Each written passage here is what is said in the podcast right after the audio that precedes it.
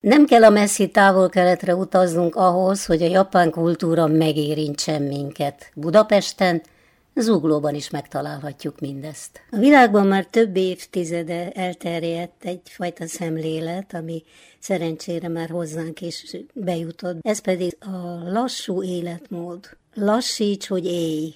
A slow life. A mentalitásnak az a lényege, hogy éljük meg a mindennapjainkat, lassabb tempót diktáljunk, a csend, a harmónia iránti igényünket, és egyre jobban felkelti legyen idő önmagunkra, önmagunk megismerésére, élet teljesebb ételére. Ezt a japánok már évszázadok óta tudják, és meg is teremtik azt a helyszínt, ahol ezt a lassú életet meg tudják valósítani. Egy ilyen helyre látogattam el, Zuglóban található japán kert. Egy nagyon kedves kertépítő tanár, Gódorné Zita fogadott engem. Mi a jellegzetessége a japán kertnek? A japán kertnek alapvetően a mozgató motorja az, hogy a természetet próbálja utánozni. Tehát a tengerparti sziklák, vagy óceáni szigetek, a szélfutta növényanyag, a vulkanikus hegykúpok, tehát ezeknek a megjelenítése akár egy pici pálcakertbe, vagy egy kis házi kertben. Hogy került ez a japán kert Zúló kellős közepébe? Japán az 1800-as évek végéig egy elzárt szigetország, és akkor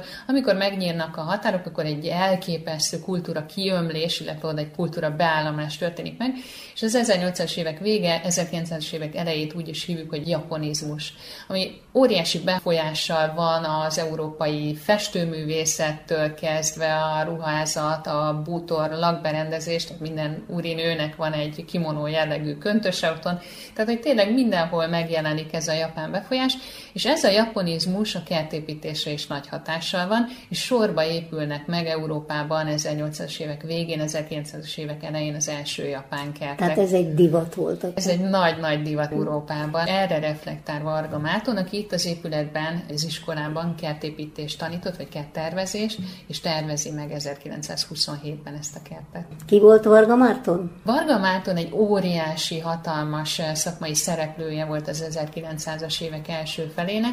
Ő egyébként egy erdélyi származású fiatalember volt, és itt a területen 1912-ben kezdett el dolgozni. Üvegházakkal, francia kerttel, gyümölcsösökkel, de emellett ő honosítja meg Európában, Hollandián kívül a hagymás dísznövényeknek a termesztés technológiáját, rengeteg cikket ír, több nyelven beszél, utazik Nyugat-Európában, tudósít a hazai kertésztársadalomnak. Az egyik Széchenyivel együtt ő vezeti a Magyar Kertészeti Egyesületet, ő indítja el az első magyar kertészeti gyűjteményt, amit személyesen kezd el begyűjteni mindenfelé az országban. Ők építik meg a Kertészeti Egyesülettel az első kertészeti székházat a Népliget területén, tehát hogy egy nagyon-nagyon szertágazó hatalmas életmű van, és emberileg is példakép értékű. A régi diákoknak rengeteg tanulvallomása van az ő életéről, hogy milyen példamutató volt emberként is. És akkor az első japán kertet is ő 1927-ben ő nagyon szépen reagál egy feldobott labdára, mert hogy 27-ben történik a fogaskerekűnek egy nyomvonal megújítása és meghosszabbítása. De Buda bendőjéből kikerülnek ezek a gyönyörű lukacsos mészkövek, ami az építési anyaga a japánkertünknek, és 28-ban épül meg ez a japánkert. Lovas kocsin hozzák át ide a fogaskerekű nyomvonala alól kikerülő gyönyörű szép köveket, és építik meg ezt a japán kertet. Fantasztikus a kert, és egyszerűen megható, hogy minden kis szegletében van valami újdonság, vagy egy kis kő, vagy egy kis lámpás, vagy egy kis híd. Milyen szimbólumrendszerrel dolgoznak? Igen, ez a kert a szimbólumok kapcsolatában nagyon hálás korszakot reprezentál, mert hogy ez nem egy modernkori japán kert, hanem a Muromachi korszakba nyúlik vissza. Ez mikor tehető? Ez a Muromachi korszak az 1200-as évek vége, 1300-as évek eleje, tehát valahova oda kell vissza kalandoznunk a történelembe, és egy főúri kertet elképzelni. Ez a Muromachi kor, ez egy nagyon nagy aranykor kertészetileg, mert ennek a korszaknak a végén születnek meg a teáskertek, ezek a gerebjézett szárazkőkertek, lettek, ami azt gondolom, hogy ilyen mindenki számára egy ilyen könnyen lehívható képi anyag, mert sok helyen látszódnak ilyen japánkertek. Korszakot, amit ez a kert mutat, ez még nem ismert, hanem egy ilyen bujább növényanyagú tavas kert, ami sétálásra alkalmas, amit a mi kertünkben Tehát mutat. a víz mindig fontos. Így a van, a víz nagyon-nagyon fontos. A mi kertünk tavas kert, Amit a kapun keresztül közelítünk meg, ott van egy, addig vezet egy széles út, és csinálunk, amit akarunk, az gyorsan elvisz minket a kapuig,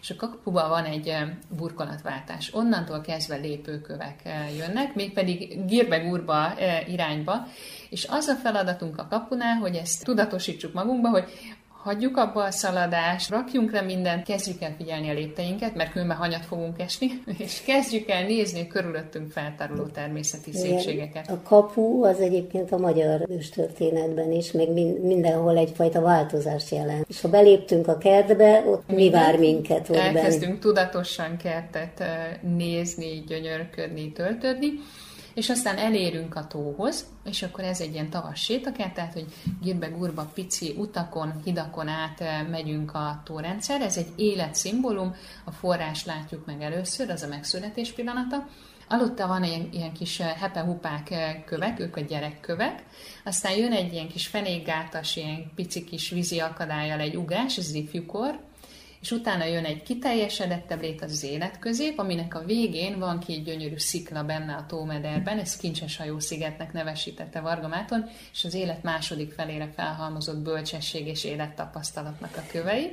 És aztán a, a víz megérkezik a legmélyebb tómeder részre, ez a semmiség óceánja, Hát ez most így európai fordításban, tehát nem úgy semmi, mint zéro, hanem úgy, mint egy életvégi kiteljesedésnek a lehetősége, legszebb szemlési pontnál föltáruló legmélyebb tószakaszunk. Nagyon szimpatikus a japán kultúrában is az, hogy másképp bánnak az idősekkel. És a japánoknál ez egy egész másfajta mentalitást tükröz.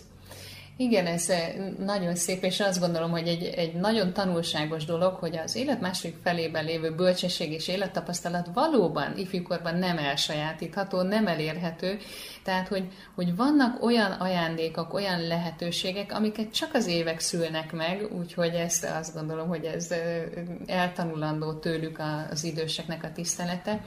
Nagyon szépen nyilatkoznak a mesterek is, festők, kertépítők időskorukban, hogy ha még 10 év, még 20 év, tehát hogy a, a kiteljesedésnek az egyre nagyobb lehetőségét látják a kor előre haladtával, és valóban a bölcsesség, a rutin, az évek nagyon sok ajándékot hoznak, amit mi egy picit elfelejtünk Európában. Mennyire sikerül a japán mentalitást áthozni? Hogy látja ezt? Én azt gondolom, hogy a japán kertek pont arra adnak választ, vagy lehetőséget, amiből egy picit most ki vagyunk fogyva Európába. Tehát ez, a, amit ugye egy társadalmi problémákként élünk meg, az aktivizmus, az időhiány, a időgazdálkodásnak a nagyon nagy szüksége, az iránytűvesztettséges internethasználatás, tehát hogy, hogy ezt a nagy nyugtalan lóti-futi-ra ad választ egy japán kert, és nagyon hálás minden csoportot vezetni, mert amikor első lépésként a kapuba elmondom nekik, hogy eddig figyeltünk, ahova akartunk, és most egy picit kezdjünk el kifelé figyelni, mindenki érti. Rakják le a, a kis gumicsontot, amit eddig rágtak, akinek megvan a kis saját bosszúsága vagy problémája. Olyan szépen mindenki látom, hogy nagyon-nagyon szívesen és örömmel lerakja, és mire elérünk az azumajára, ugye erre a hátsó kert részben lévő védett szemlélődési pontra, én azt gondolom, hogy mindenki pontosan tudja, hogy miért mondja azt a japán mester, hogy ez egy olyan hely, ahol addig tudunk szemlélődni, amíg meg nem győződünk róla, hogy ez az élet elég szép ahhoz, hogy legalább száz évig éljük, tökéletesen látják a látogatók, hogy miről beszélünk. Mi az, amit alapvetően el kellene tanulnunk? Persze egy más kultúra, egy más földrész, más mentalitás, más ősök. A japánok olyan jól megfogalmazzák, és itt van a mi felelősségünk is, és itt van ennek a kertnek az ajándéka, hogy a kamia van egyszerűen azt jelenti, hogy olyan szép, hogy megérint minket, hogy meghív minket arra, hogy egy pillanatra emelkedjünk el a kis mókuskerékből, és nézzük meg azt, hogy ennél van több. Ennél van sokkal több.